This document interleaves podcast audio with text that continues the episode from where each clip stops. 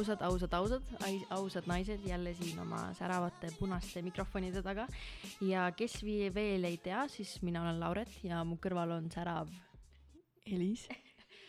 ja täna tuleb meil väga huvitav saade, sest et meil on külas selline noor ja särav naine nagu Mailis Kivistik ja ma natukene tutvustan ka lähemalt, enne kui me asja juurde lähme et Mailis Kivistik on siis Eesti loodusterapeut ja terviseentusiast kuna Mailisi suureks sooviks on alati olnud seda pisikut rõõmu ka jagada, siis on ta arendamas elustiilibrändi Herbasen ja Herbasen on siis jooga ja taimeteraapia sümbioos, kus põimuvad omavahel Eesti väetaimed, tervislik toitumine ja kehasõbralik liikumine. tere, Mailis! tere, tere! aga lähme siis kohe asja juurde, et esimese küsimusena teeme siis otsa kõige tavalisemalt lahti et räägi siis eh, põgusalt meile oma lugu, kust sa oled tulnud ja kuidas sa üldse jõudsid oma ägeda brändini? väga hea küsimus, üritan põgusalt teha. Äh, ma olen pool elu olnud äh, võistlustantsija, teinud tippsporti ja mõelnudki reaalselt, et ma lähen õppima Taani koreograafiat. ja kuni selle hetkeni, kui tuli trauma, mis paljudel sportlastel tihti tuleb. Äh, mõnel operatsioon aitab, mõnel ta ei aita. Olenevalt, kui pikk on paus, eks, kas saab edasi teha või mitte, minu puhul paus tuli umbes aasta ja siis oli tegelikult selge ka, et äh, ei ole mõtet edasi minna, sest äh, tantsuspordis ka võistlusklassid vahetuvad ja vanemasse klassi minnes siis äh, põhi ei olnud nii tugev ja motivatsioon kadus ka ära selle nurga alt, kuigi võib-olla oleks andnud midagi ära teha, ma ei tea, arstid küll ütlesid, et ei saa midagi ära teha, aga minu nagu spordihing on ikka sees, et alati on mingi võimalus. aga siis jäigi tants katki, tuli mõelda, mis edasi saab ja siis äh, oligi tegelikult lõpuklass üsna lähedal, kaheteistkümnes klass on ju, tuleb valida, mis sa õppima lähed, minul oli täiesti tühimik, sellepärast et ma isegi ei teadnud, milles ma veel hea võiks olla. ma olin elanud ju tantsu nimel, eks ja ma mäletan siiamaani seda, kuidas ma kammisin läbi ülikoole, sest see oli ju vaja, sul oli vaja minna ülikooli, sa pidid midagi valima. ja ma lihtsalt istusin ja valisin ja kurtsin emale, et ma ei tea, mind ei huvita mitte midagi.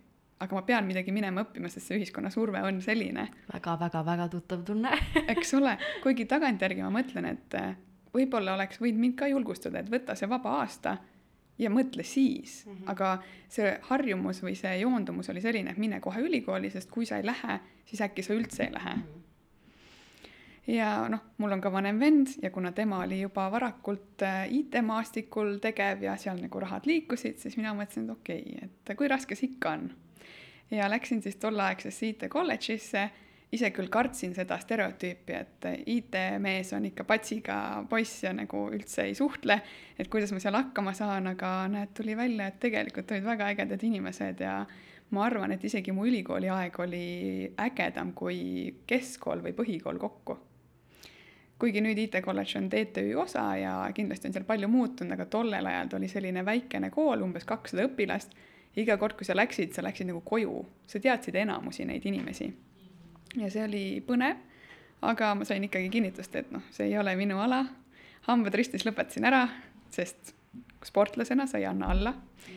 võib-olla jälle hea paralleel, et need, kes pole võib-olla kunagi teinud tippsporti, siis kui sa võtad mingi idee ja sealt arendades seda ideed tuleb mingi takistus ette, siis nad loobuvad palju kergemini kui need, kes on teinud seda sporti, sest nad teavad, et üle raskuste sa jõuad sinna tähtedeni, eks mis tegelikult kohati on kasulik, aga teisest küljest on ta tihti ka kahjulik, sest sa võid minna nagu liiga äärmustesse ja ainult taga ajada seda, et mul on mingi eesmärk ja ma lähen täidan ta ära.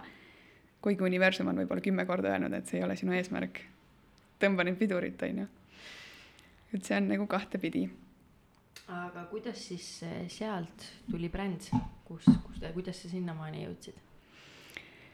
sealt läks tegelikult veel aega, umbes kümme aastat. ma katsetasin erinevaid asju kuna mul oli IT-taust, siis ma, võib öelda, sattusin, aga tegelikult juhuseid ei ole, idufirmade maastikule ja sealt ma üsna kiiresti jõudsin ürituste korraldamiseni. ehk siis nagu startup ürituste korraldamiseni tudengitele, mis oli nagu rahvusvahelisel tasandil. ja, ja sealt edasi ma vahetasin vahepeal töökohta, siis läksin ainult enesearengu üritusi korraldama rahvusvaheliselt jälle, et ma olen nagu hästi-hästi palju asju teinud omal on mul alati peas olnud teadmine, et ma teen kunagi midagi enda asja. ma ei tea, kust see tuleb. See, ma olen palju selle peale mõelnud, see on selline teadmine lihtsalt. Ja ma päriselt, äh, ma arvan, üheksa aastat kindlasti sellest viimasest kümnest lihtsalt äh, jõuga tahtsin mingeid ideesid ellu viia, ükskõik mis idee tuli, davai, teeme äriplaani, sellest tuleb mingi hea äri. Ja neid asju oli, mõned teemad olid põnevad, mõned olid täiesti sellised, et mõtled, et noh, kui endal silm ei sära, miks siis üldse üritada, eks. Äh, mingit koerajalutusäppi tahtsime teha, mingit online trükikoda, noh, neid on nii-nii palju erinevaid ja siis lõpuks ma lõin käega, sellepärast et äh, oligi see, et sa oled liiga kaua nende eesmärkide poole rühkinud. kui see ei tule lõpuks, siis äkki ei olegi mõistlik sinnapoole liikuda. ja kuna ma enne mainisin ka ülikooli, siis sealt ülikooli lõputöö kirjutamisest sai alguse minu joogaarmastus. kuna lõputöö teema mulle absoluutselt ei meeldinud ja lõpus mul oli üldse selline tunne, et miks ma seda ära lõpetan, kui mulle nagunii ei meeldi see, mis ma õpin siis mul oli stress nii suur, et mul tuli peoga juuksed peast ära igapäevaselt, sest noh, sa ei ole rahul sellega, kus sa oled. aga kuna mul ema oli lapsena mind palju joogalaagritesse kaasa võtnud ja igasuguseid taimesuppe oleme koos söönud, siis see tuli nagu kuskilt meelde. siis ma mõtlesin, et okei okay,, aga ma ei taha minna suvaliselt mingisse joogatundi, sest ma ei saanud sellest aru, sest lapsena ma naersin välja kogu selle joogamaailma. ja ma läksingi õpetajate majja, seal oli mingi kursus ja esimesel päeval ma sain kohe selle tulemuse kätte. see hetkes olemine ja see nauding, mis sealt tuli, see oli midagi uskumatut, ehk ma olin kohe müüdud. ja nüüd oligi, kuna ma mingi aja praktiseerisin ise joogat, käisin tundides, tegin kodus, siis ühel hetkel sain ma enda jaoks selgeks, et tegelikult jooga on täpselt samamoodi tants.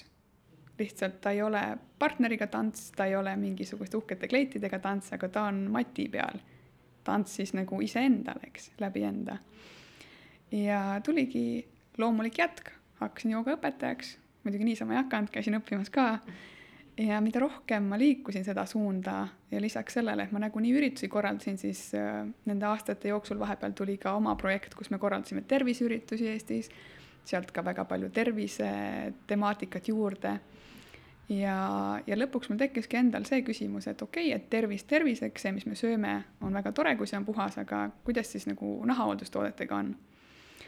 ja, ja kogu see taimemaailm tundus ka põnev. ja siis ma üldse vaatasin ringi, et kes siis õpetab Eestis midagi taimedega seotud, sest okei okay,, ma võin minna vanaema juurde küsima, aga tema teab ka umbes neid asju, sest tema on seda kuulnud oma ema käest, eks. ja raamatuid on küll aga üsna keeruline on tänapäeval tegelikult ju noorel inimesel üldse aru saada, mis, mis on mingid taimed ja miks me neid kasutama peaks ja miks üldse, kui mul on lihtsam minna apteeki ja osta midagi valu vastu või, või mingit ravimit, eks. või siis minna poodi, kus on kõik need värvilised ja säravad ja kirikad pakendid ja võtta sealt üks, tundub just. nagu lihtne just ja tegelikult noh, ta ongi lihtne ja ma saan sellest aru aga Eestis on tegelikult võimalik, on õppida erinevaid variante, isegi on, mina käisin siis herbaatikumis õppimas loodusterapeudiks. Ja isegi siis, kui ma läksin õppima, mul ei olnud seda mõtet, et teeme oma brändi, sest ma olin sellest juba lahti lasknud, et mingi ettevõte, et noh, kui ei tule, siis ei tule. ja, ja kõik jälle jooksis tervikuks tänu sellele, et ähm, kaks tuhat kuusteist mul oli endal tervisemure, oli kilpnäärme ületalitus. Ja arstid tahtsid kohe panna peale eluaegsed ravimid ja kuna mina juba olin tervisemaastikul päris pikalt olnud, siis ma ütlesin, et ei, ei aitäh, et ma lähen koju ja siis võib-olla pärast räägime.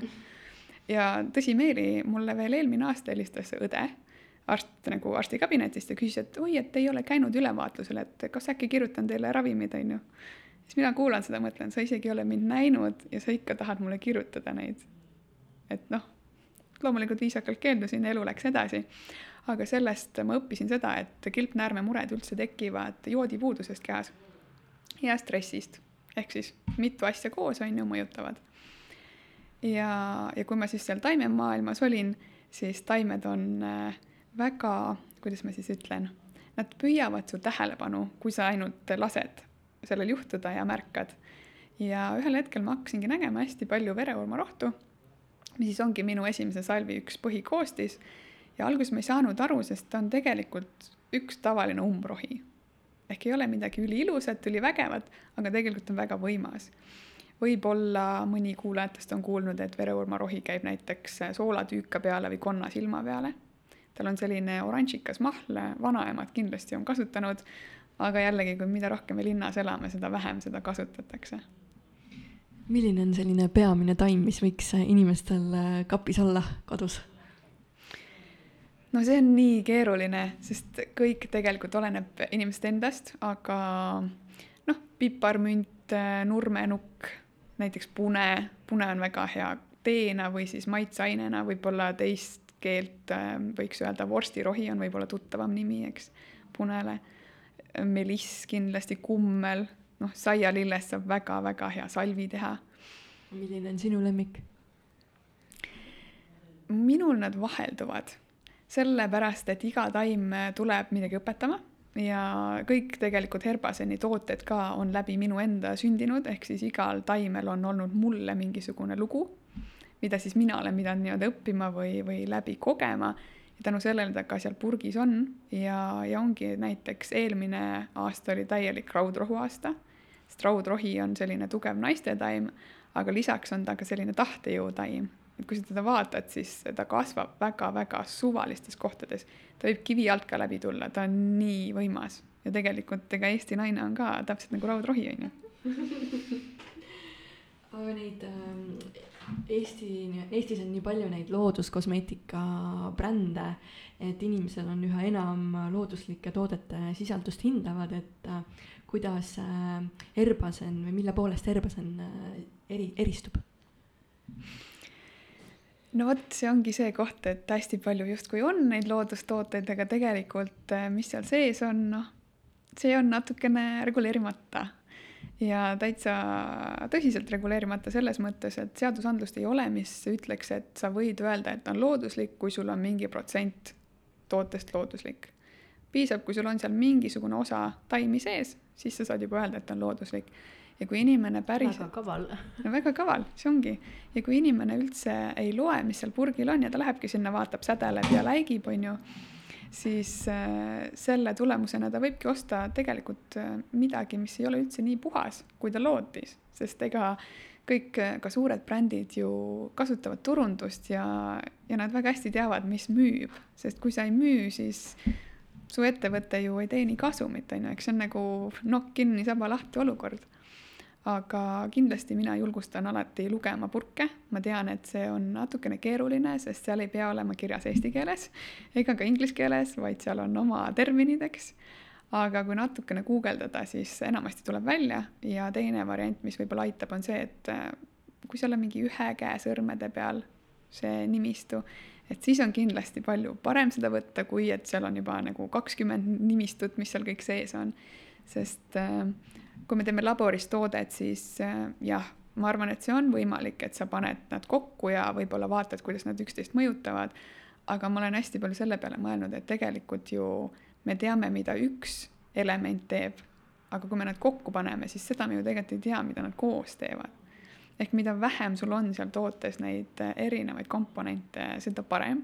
aga jällegi, see on minu uskumus, eks, et äh, võib-olla kellelgi teisel on hoopis teistmoodi ja samamoodi on arvamusi kuna Herbaseni kõik tooted on veevabad, ehk siis nende loomulik säilimine ongi poolteist aastat, sul ei ole vaja sinna säilitusainet, nad on õlid-vahad, säilitavad ennast ise, eks. aga samas on ka neid, kes ütlevad, et, et näiteks öökreemiks ei tuleks kunagi panna midagi, mis on nagu rasvane õlide baasil. ja siin ongi jälle see, et noh, mida sa siis usud, mis on sinu tõde, on ju, kuidas sinu nahk reageerib. mina alati julgustan kuulama oma keha tema alati teab, eks. mina panen hommikul, õhtul, minul nahk särab, ma olen väga rahul, eks. aga kui on inimesi, kes tunnevad, et nad ei saagi, sest see on liiga rasvane, siis see on ka okei okay.. ja tuleb siis valida endale mõni teine bränd, on ju, kellel on võib-olla midagi vee baasil, võib-olla midagi kergemat.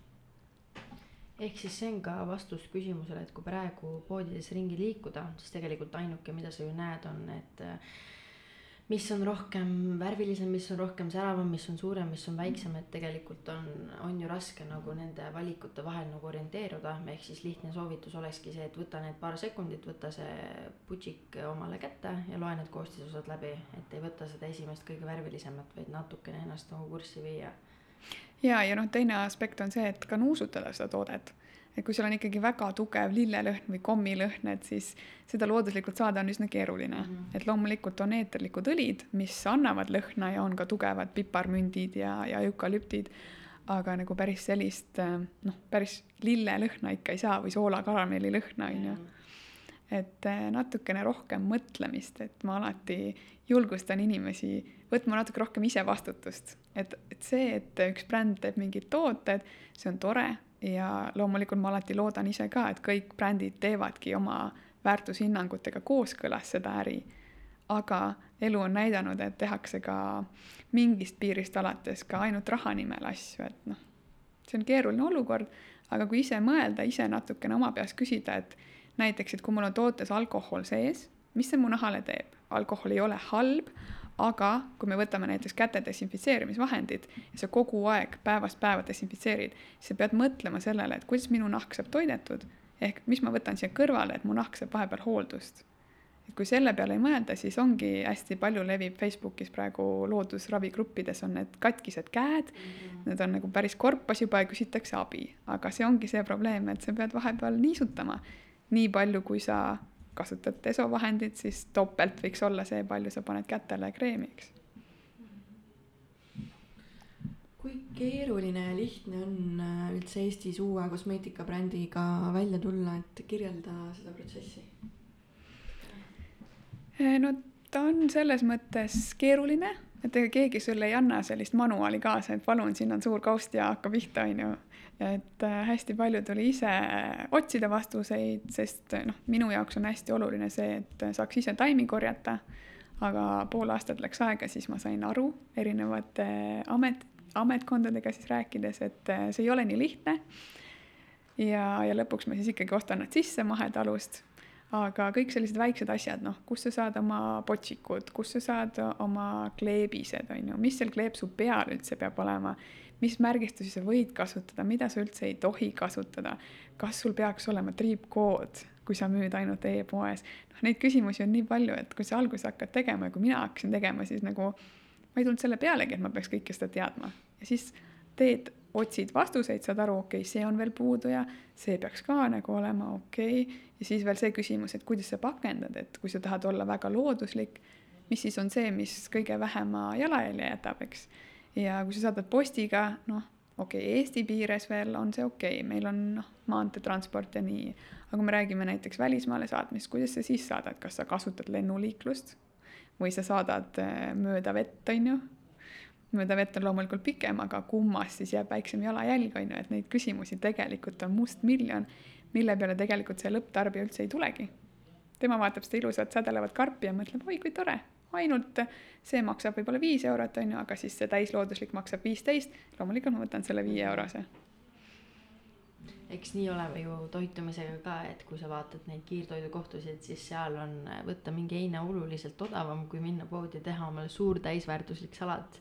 et ma usun, et nende toodetega on vist nagu sama jaa ja tegelikult ongi ja noh, samamoodi kui me räägime nahahooldusest, siis ega imevahendeid ei ole et isegi kui ma ütlen, et eh, kureetik ehk meie esimene salv siis ongi välja töötatud selle jaoks, et ongi probleemsele nahale, siis ei ole nii, et eh, mul on mingisugune murekoht, näiteks käed on katki, on ju, võib-olla psoriaasist, võib-olla ekseemist, mingist tõsisemast eh, konditsioonist, ma panen selle salvi peale ja siis ütlen, et noh, ei tööta, on ju.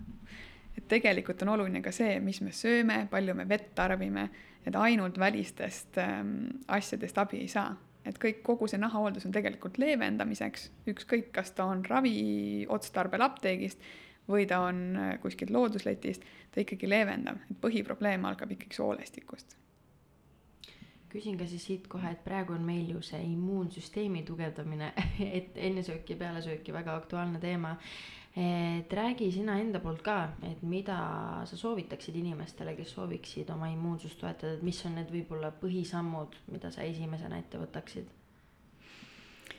no C-vitamiin, nurmenukk näiteks väga hea. nurmenukk on üks väheseid taimi, mis päriselt säilitab igas olekus endas selle C-vitamiini sisalduse ja tema puhul ka võib süüa igapäevaselt, et ta ei tekita sul mingit kõrvalmõju et on taimi, mida ei soovitata iga päev süüa, teha kuuridena, siis nurmenuku puhul teda võib pidevalt tarvitada.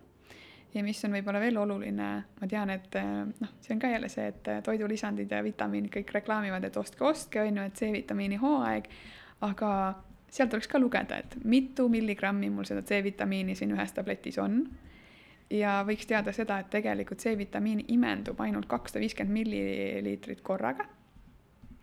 Ja umbes nelja tunni jooksul ta su kehast kaob ära.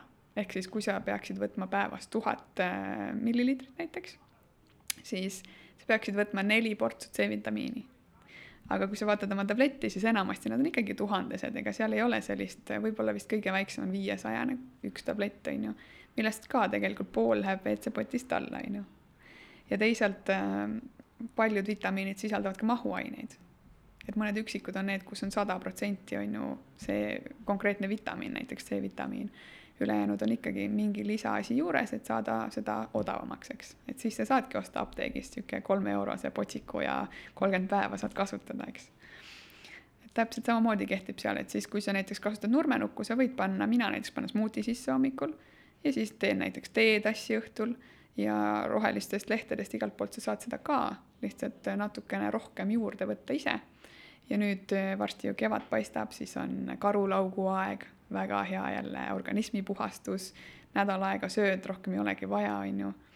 et tegelikult meil on kõik siin eh, loodusest kätte saada või siis, kui nüüd tuleb lumi veel uuesti maha, siis eh, kes ei ole näiteks talisupluse fännid, lume peal paljajalu käia hommikul väga-väga hästi tõmbab vereringe käima ja immuunsust toetab ka. Kust neid, korra küsin veel vahele, et kust neid siukseid põhitaimi, mida igapäevaselt võiks kasutada, kõige parem saada on või kust neid võiks hankida nii-öelda tavainimesel, kes ei ole varem kokku puutunud?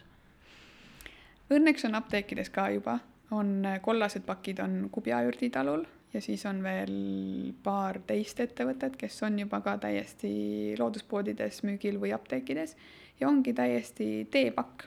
Ehk sul ongi kuivatatud ürdi nime all, kas siis võtta eraldi nurmenukk või, või mis iganes sul meelepärane on, piparmünt või pune või, aga on ka seguteed, mida tegelikult võib ka kasutada, olenevalt, mis see koostis siis on, jälle kas äh, smuuti juurde või, või supi peale või, või salati peale, et mina näiteks igal äh, kevadel teen nii, et korjan hunniku igasugust umbrohtu, võililled, teelehed, naadid, kuivatan ära ja siis pudistan endale purki.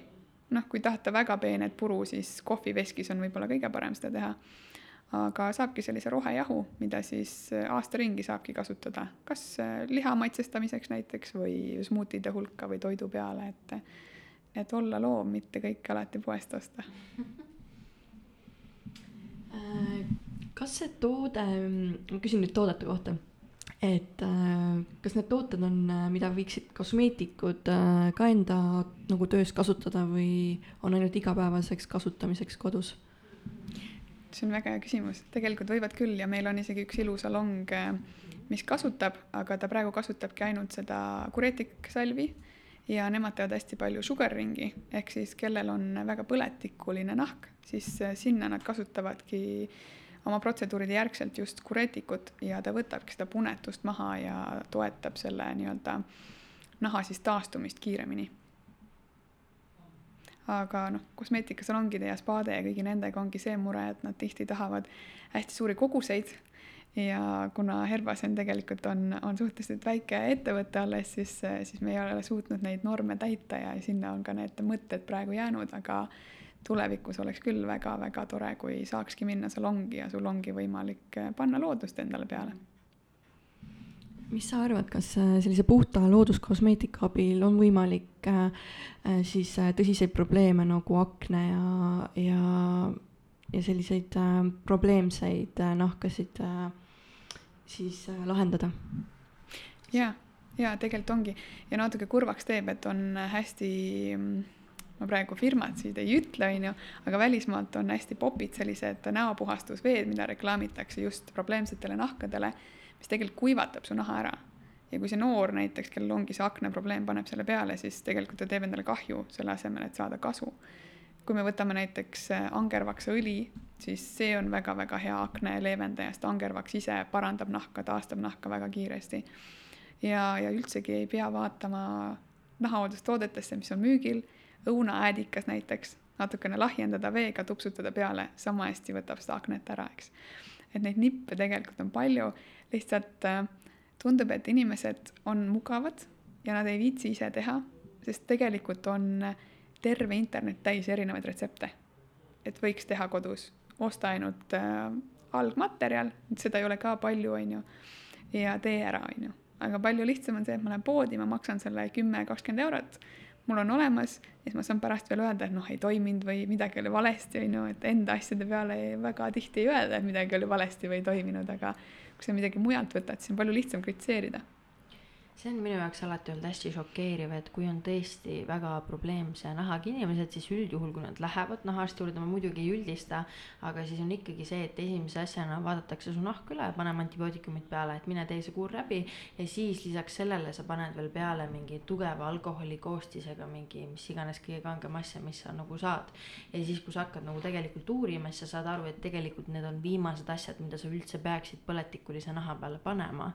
et see on nagu väga huvitav, kuidas see info info jookseb nagu väga kahte lehtrisse. niimoodi väga. no siin on erinevad äh,, kuidas siis öelda, maailmad taga, et mm, -hmm. et üks on, kuidas raha teenida, eks, ja teine on võib-olla natuke teise missiooniga, et kuidas siis äh, inimest toetada aga eks igaüks leiab enda jaoks oma ja on ka neid, kes ütlevad ju looduskosmeetika kohta, et täielik äh, voodoo ja et lollidelt tulebki raha ära võtta ja mis kõik, eks. aga kui me vaatame, et neid äh, taimi ju, ravimtaimi on kasutatud ju aastasadu ja see ei ole see, et ma täna ärkasin ja vaatasin, et näed, katkisele sõrmele ma panen selle teelehe siit peale, on ju, ja näed, töötaski. see on ju mitusada aastat nii olnud, eks. ah ei, see oli see ükskord, see oli juhus no just, et see ajabki muigama, et tegelikult ju ega ei öelda ilmaasjata, et eestlased on nõiarahvas, me ju peame midagi teadma nendest taimedest jah, ma tegelikult küsin siukse küsimuse ka, et me oleme siin terve aeg rääkinud, et miks loodustooted on head ja miks just neid peab kasutama. aga räägi siis natuke detailsemalt sellest ka, et miks kõik need sada nime seal purgi peal on halb ja miks need, miks need mõjuvad kahjulikult ja mis on võib-olla need ained, mida peaks kindlasti nagu vältima. et räägime siis sellest ka, et miks ta üldse on paha sulle no sellest võiks väga pikalt rääkida ja neid äh, nimistuid on ka väga-väga pikki, mis ei tohiks seal olla aga, aga võib-olla üldiselt mõeldagi, et ähm, hästi paljud nendest, äh, kui nad on sul organismis, võivad tekitada kantserogeene, võivad mõjutada hormonaalsüsteemi ja võib-olla sa ei saagi sellest kohe aru, aga sa näiteks kasutad kümme aastat mingit ühte šampooni, mida keegi sulle kunagi soovitas, või on ju ka näiteks blondidel on need hõbemaskid ja, ja kõik, mis on täiesti lillat värvi ja siis vaatad peale, mõtled, noh okei okay,, ta võib juuksevärvi ilusaks teha, aga mis koostises on, mis mu nahka ja minu lümfisüsteemi imendub, on ju, see ei ole üldse kasulik ja kõige kurvem ongi see, et sa ei saa kohe aru. mingi aja pärast sa võib-olla märkad, okei okay,, mul on näiteks mingisugune tükk rinnas, on ju, lähed rinnapilti tegema, on ju, saad aru, et sul on rinnavähk, eks. et see on selline salakaval, kõik see kosmeetikatööstus ja, ja tegelikult noh, ongi ka laovärvid, huulepulgad, me ei räägi ainult kreemidest, on ju et selles mõttes on mul raske tuua sul siia välja täpselt, et mis on halvad. ma arvan, et kui guugeldada, siis need nimekirjad tulevad kindlasti välja, aga pigem just vaadata selle pilguga, et kas, kui palju ma aru saan, mis seal peal on. et kui sul on seal vesi, on ju, aqua, saad aru, alkoholist saad aru, vahadest saad aru, eks. okei okay,, eeterlikud õlid saad aru, mis seal veel on et kui sa juba näed mingit nimekirja, millest sa tegelikult aru ei saa, siis see on juba esimene märk, kus tuleks korraks oodata, vaadata loomulikult on mingeid säilitusaineid, mida meil on vaja, aga need on ka siis äh, natukene looduslikumad ja need on ka ökosertifikaadiga siis äh, läbi uuritud ja kinnitatud, et nemad ei ole ohtlikud inimesele, eks, kui nad on veel eriti mikrokogustes. aga need on ka jälle teistsugused kui need, mis meil on näiteks äh, mingites tavašampoonides, mis jälle on kolm eurot pudel, eks. et see on, see nimistute teema on keeruline ja ma parem ei ajaks sellega pead sassi, aga pigem just lähtuda seda, et kui palju ma aru saan, mis siin kirjas on.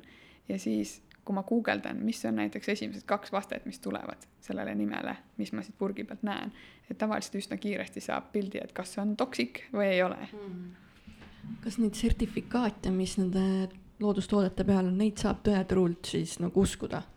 ja, ja.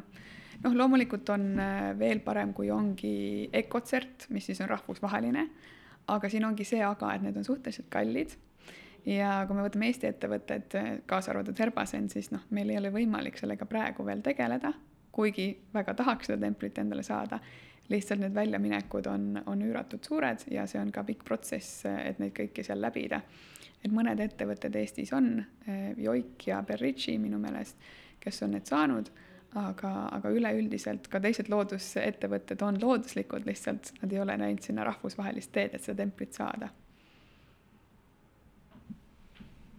ma küsin natuke teise teemasse korra siia vahele, et need kodukemikaalid, need on üldjuhul, ma ise olen ka äh, kui ikka on midagi, mis ei saa puhtaks või siis ikkagi võtad selle kõige kangema, mis kõige rohkem haiseb ja pead maski ette panema ja tunned, et uh, muud moodi puhtaks ei saa, et kuidas sul endal kodus on ja kuidas sa nendesse suhtud, et võib-olla mida sa ise kasutad? mina kasutan soodat ja äädikat.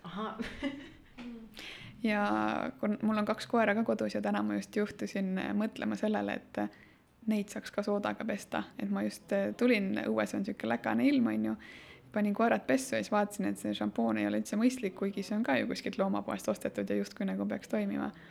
aga samamoodi saab pesta soodaga pesed üle ja siis loputad lahu, lahjendatud õunaäädikaga, on ju. ja see on veel väga hea, hoiab igasugused kirbud asjad eemal, eks mm. et eh, noh, ma saan aru sellest, et kui on mingisugune väga suur plekk kodus või, või näiteks vannitoas on ju, et kuidas sa seda küürid, siis lihtsalt lahendus on see, et sa pead rohkem vaeva nägema kordades rohkem seda soodat ja äädikat võib-olla nagu kordama, enne kui sa tulemuse saad, versus see, et paned, mis need olid ajaks ja Mr Proper on ju, kui sa seda lased peale, et siis ta kohe teeb ära, on ju. aga mis on võib-olla teine külg, et loomulikult on hea, kui kiiresti saab, aga inimesed tihti ju ei pane isegi kummikindaid kätte, kui nad teevad nende ainetega, on ju, siis sul on ju kohe see vereringes, siis läbi naha imendub ju sekunditega ja siis vaatad purgi peale, muidu oled looduslik, aga noh. nojah, see ongi, kui on nagu mingid pinnad, kus sa näed, et on kiire sihuke tolm või mustus, siis on lihtne võtta see, mis on see prits, mis, kus peal on mingi, et eemaldab üheksakümmend üheksa koma üheksa protsenti kõik bakterid, lased sellega mingi köögipinnad üle ja tõmbad ja vaatad, ohoh korras, aga tegelikult see igapäevane sissehingamine, see võib ju päris, päris kohutav olla nagu kopsudele ja kehale ka muidugi. ja kui me mõtleme, okei okay,, sissehingamine võib-olla korra nädalas koristad, on ju, aga nüüd teine teema on näiteks nõudepesu see jääb kõik sinna taldrikute peale, kui veel käsitsi ka pesta, eks. muidugi nõudepesumasina kohta ma ei tea, aga ma eeldan, et eks seal ka kõik ei lähe päris selle veega ära, et ikka sealt kapslis midagi jääb. siis sa sööd selle sisse ja siis jälle pesed, mida rohkem vahtu, seda uhkem, on ju. et tegelikult peaks ikkagi kõik asjad üle vaatama ja samamoodi noh, kodupõrandat saab pesta äädikaveega väga hästi. kui äädika hais võib-olla ei meeldi, siis sidrunivesi näiteks, on ju okei okay,, nüüd ma tean, mis ma endale koju ostan. jaa, pean oma kapi tühjaks viskama lihtsalt. no just, ja tegelikult ongi naljakas, et kui sa vaatad, palju maksab pudel äädikat ja palju maksab pakk soodat. noh, siis lõpuks jõuabki sinna, et äh, mõned inimesed propageerivad näiteks aluselise vee joomist, on ju. et miks nagu nende kraesse siis hüpatakse, et sa tegelikult saad väga palju asju ära ravida aluselise keskkonnaga kehas ja see on nii odav ja ma ise ka tegelikult joon äh, vett, äh, kus on soodat natukene. Ja siis äh, seda roosat kristallisoola. just, ja tegelikult on õige, mina ise joon ka. Ja mina joon isegi veel musta Himalaia soolaga. see on, see on nagu järgmine level, et kes tahab, võib proovida, see algus on päris karm, ta on nagu sihuke mädamuna maitsega. aga see must sool on selles mõttes hea, et ta eemaldab raskemetallid ka kehast. Mm et eh, tegelikult jah, väga põnevaid asju on olemas ja üldse mitte kulukaid. ja need ju tegelikult toetavad ju immuunsust ka, täpselt. mul on tegelikult üks küsimus sulle, et äh, me oleme siin hästi pikalt Herbasennist rääkinud, aga mis on su elu suurim eesmärk peale Herbasenni veel, et mille kohta tead, et ilma selleta äh,, selleta elluviimiseta siit sa ei lahku tead äh, see on keeruline küsimus selles mõttes, et ma näen, kui palju juba ühe kuuga võib muutuda ja rääkimata siis veel ühest aastast, siis äh, ma ei oskagi sulle öelda, mis on see, milleta ma ei taha lahkuda, sest see võib juba järgmine kuu olla hoopis midagi muud.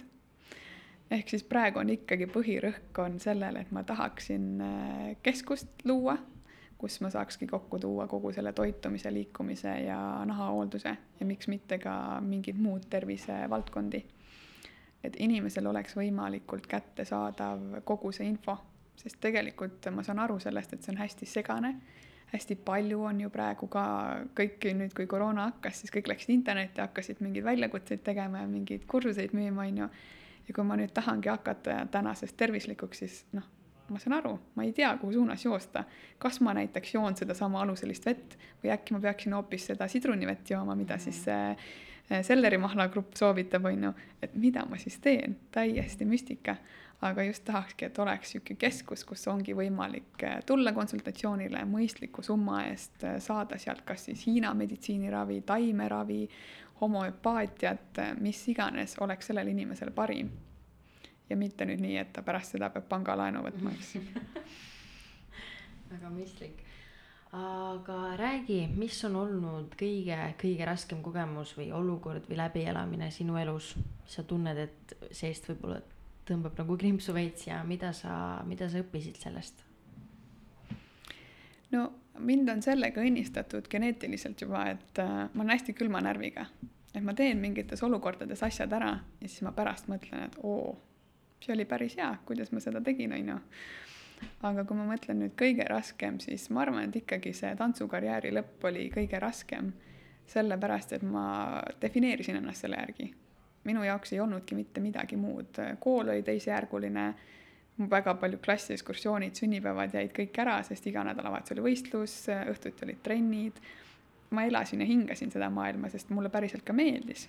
Noh, kellele ei meeldiks saavutada, on ju, lõpuks sa hakkad seal saavutama nii, et sa vaatad, et mingi kolmas koht on täiesti mõttetu, eks.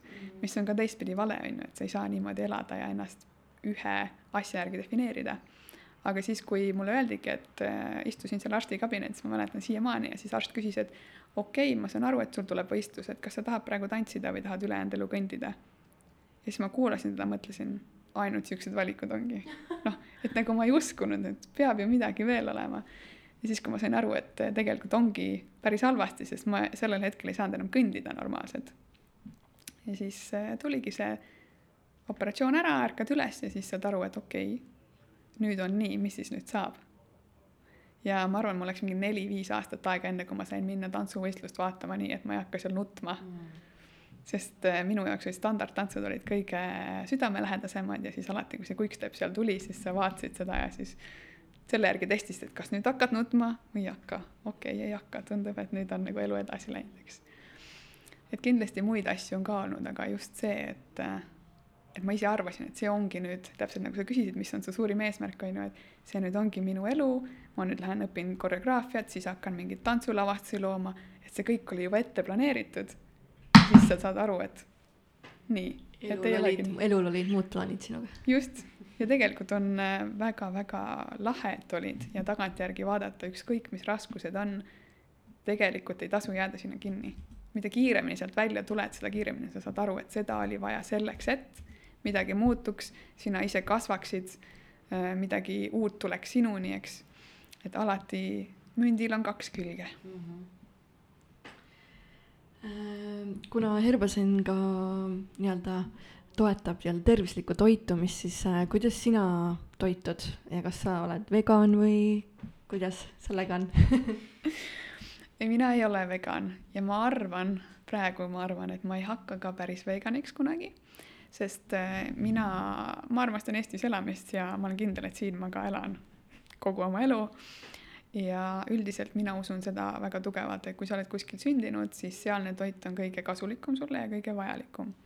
Aga ometi punane liha jah, ei ole väga mulle meelepärane, sest ta on nii raskesti seeditav, kõik muud jutud, ma pigem eelistan kas siis äh, mingit linnuliha või kala ja kui vähegi võimalik, siis äh, võimalikult palju juurvilju ja salatit. ja ma tõesti tunnengi puudust, kui ma lähen kuskile kellegi juurde sööma või noh, kasvõi ema juurde, eks. ja kui ei ole näiteks mingit salatit, siis ma alati küsin, et aga kust nüüd saab, on ju, noh, loomulikult saab, kohe tuleb, teeb kapi lahti ja on olemas, aga kuidagi ma näen õnneks seda, et see generatsioonide vahe on tuntav mm. -hmm. et me sööme rohkem salateid, me sööme rohkem juurvilju, vähem kartulit, vähem pastat, noh okei okay,, see pastakultuur ikkagi on, aga vaikselt-vaikselt asendub mingite quinoadega ja selliste tervislikumate variantidega. Aga räägiks natuke sellest mediteerimise ja jooga maailmast ka, et sa oled ju sellega ka tugevalt seotud. et ma panin tähele, et sa mainisid, sa oled rääkinud näojoogast mis asi see on? näojooga on tegelikult trenn nagu iga teine, lihtsalt selle vahega, et sa ei lähe jõusaali, sa ei saa higiseks. vastupidi, sul on rõõmus meel, võib-olla saad hoopis naerda natukene rohkem. ja ta ongi selline grimasside või nägude tegemine. Mõnel juhul kasutad sõrmi ka, teisel juhul ei kasuta. ja meie näos tegelikult on üle viiekümne lihase, millest väga-väga palju ei räägita, aga näiteks Aasias on väga popp näojooga ja kui mõelda, siis Aasia inimesed tegelikult näevad ju päris head välja. minul näiteks käis külas üks naisterahvas, kes oli Taist pärit ja ma ei saanud aru, kui vana ta on, ta tundus väga noor. Ainus asi, mis natuke reetis, oli see, et silma alt oli natukene tume ja natuke kottis. aga ma mõtlesin, noh, kolmkümmend viis. tegelikult oli viiskümmend viis et noh, mõtled küll, et on ju päike paistab ja peaks nagu rohkem kortsus olema, on ju, aga teed näojoogat ja õlitad ennast õigesti sisse ja polegi midagi muud vaja. et eh, tegelikult isegi uuringuid on tehtud, et näojoogat praktiseerida, noh, ta tundub võib-olla selles mõttes natukene keeruline, et sa pead seda järjepidevalt tegema, aga samas igat trenni peab. aga võeti grupp naisi näiteks, neljakümne viie aastaselt natuke peale ja nemad tegid kakskümmend nädalat järjest, eh, kolmkümmend minutit päevas näojoogat. ja siis, kui see sai läbi, see nii-öelda prooviaeg, tehti näost pildid, küsiti suvalistelt inimestelt, et mis sa arvad, kui vana see naisterahvas on. ja kõikidele öeldi vähemalt miinus kolm eluaastat. ja seda juba nagu kahekümne nädala pealt. Ehk siis võiks ette kujutada, kui ma nüüd harjutan aasta või kaks aastat, mis mu näost siis saab, on ju et kas on alati vaja kohe mingeid täitesüste või, või ilukirurgiat, on ju, et tegelikult ikkagi ennem peaks ise katsetama, mis teha saab ja siis vaadata, et kui tõesti, tõesti on see, et noh, silmalaud vahest vajuvad väga alla, on ju. et kui on juba see piir ületatud, et sa ei saa enam treenida. kuigi ma ei tea, see oleks ka huvitav väljakutse või test, eks. et siis jah, vaadata, mis veel on võimalik. Aga jaga natukene endapoolset nägemust joogast ja mediteerimisest et näiteks äh, kuidas saab üldse jooga hetkeolukorras kasulik olla või, või räägi, miks see üldse hea on või jaga mingeid näpunäited selle teema koha pealt. ja milline on õige mediteerimine no jooga on. kuus küsimust korraga loodame, et jõuame kõigile vastata, aga jooga on alati hea. Mm, sellist olukorda ei ole kindlasti, kus jooga ei oleks hea, aga hästi palju on ikkagi neid müüte, miks, miks joogat kardetakse mul isegi ükskord oli ühes ettevõttes, kus ma annan tunde, oli seal tahvli peale kirjutatud, et, et kuulge, pikutajad, et pange siis toolid ka pärast tagasi. ja siis saad aru, et okei okay,, ta päris täpselt ei saa aru, mis jooga on. ja joogat tegelikult ongi erinevaid stiile, ongi selliseid, kus sa ainult istud ja laulad mantraid, eks. aga samas on ka väga jõuliseid joogasid ja, ja see jõuline jooga tegelikult ongi praeguse aja inimesele kõige lihtsam viis joogaga tutvust teha siis ta tuleb jõusaalist, võib-olla ta on harjunud rühmatrennidega, ta tuleb sinna jõulisesse joogasse, kas siis Ashtanga või Vinyasa ja ta tunnebki seda, et tegelikult ta saab hakkama, sest seal on hästi palju, ongi jõuga tegemist, igasugused jõupoosid ja siis lõpus on, on ju, see venitamine. Ja kui ta siis käib ära, olenevalt siis inimesest, on ju, kes, kellel kiiremini, kellel aeglasemalt, siis ühel hetkel ta saab aru, et okei okay,, et mis see vaimne pool siin on, on ju, et mis me siin lõpus teeme, et on küll šavasana, on ju, aga tihti öeldakse, et noh, lõpulõdvestus aga tegelikult see on ju meditatsioon. mina näiteks alati võtan vähemalt kümme minutit selleks, et ma panengi selle muusika sinna mängima ja ma sunningi selle inimese sinna matile. ja noh, on neid, kes lähevad ennem seda kümmet minutit ära, see on nende valik, aga enamus on ikkagi seal ja see on tema jaoks nagu see puhkehetk päevas, võib-olla tal ei olegi rohkem puhkehetke, on ju. jookseb töölt trenni ja sealt koju, on ju, siis on veel pereasjad. see kümme minutit annab talle nii palju. ehk siis, kui sa küsid, mis on õige mediteerimine, siis mina ikkagi ütlen, et see ei ole see, et sa istud äh, täislootuses või rätsepa istes pimedas toas ja ühtegi mõtet ei ole. see on nii keeruline tänapäeva inimesele. loomulikult, kui me elaks kuskil ashramis või, või Indias mäel ots, otsas on ju, või kus iganes, võib-olla tõesti me jõuaks sinna, aga olukorras, kus meil on töö, kool, kodu, mis iganes projektid, see on keeruline. ehk mina ütleks, et kõige parem ongi see tegevus, mis sa teed. ja kui sa teed seda täieliku koha, kohaloluga, siis sa juba mediteerid.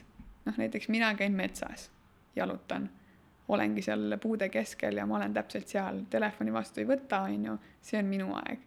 samas mõni teine läheb jooksma, kolmas peseb nõusid, aga siis, kui ta peseb nõusid, ta on täiesti seal, ta pesebki selle vahuga, ta katsubki seda taldrikut, mitte ei mõtle, saaks juba tehtud, on ju, saaks minna midagi muud tegema. ehk tänapäeva inimesele mulle tundub, et see lemmiktegevuse tegemine ongi see kõige parem meditatsioon ja kas sa oled nõus sellega, et tegelikult praegusel ajal peaks mediteerimine kasvõigi viis minutit päevas olema nüüdseks juba igapäeva osa nagu enamus inimeste elus? praegu kindlasti, eriti sellepärast, et äh, ärevus on hästi palju tõusnud ja, ja ärevatel inimestel on eriti oluline, et neil oleks päevaplaan, sest muidu nad mõtlevad ennast täiesti valeks ära. ja mediteerimine aitab, ta aitabki tuua kohale ja täpselt samamoodi see võibki olla lihtsalt hetk, ma tõusen üles näiteks. Ja ma istun näiteks oma voodi ääre peal, tallad on äh, põrandal, eks, käed on lihtsalt äh, sülle kukkunud, võib-olla natukene sirutan oma lülisammast, panen silmad kinni ja korraks lihtsalt olen. hingan rahulikult ja siis lähen alles päevale vastu. või siis õhtul on ju enne magamaminekut, et võtta seda tempot maha, et jällegi mitte hirmutada, et nüüd peab see viis minutit on ju vaikuses silmad kinni istuma aga on ka ju tegelikult väga palju ägedaid äppe, on Calm äpp, on ju, Synctuition, noh, neid on hästi-hästi erinevaid, et mis kellelegi meeldib.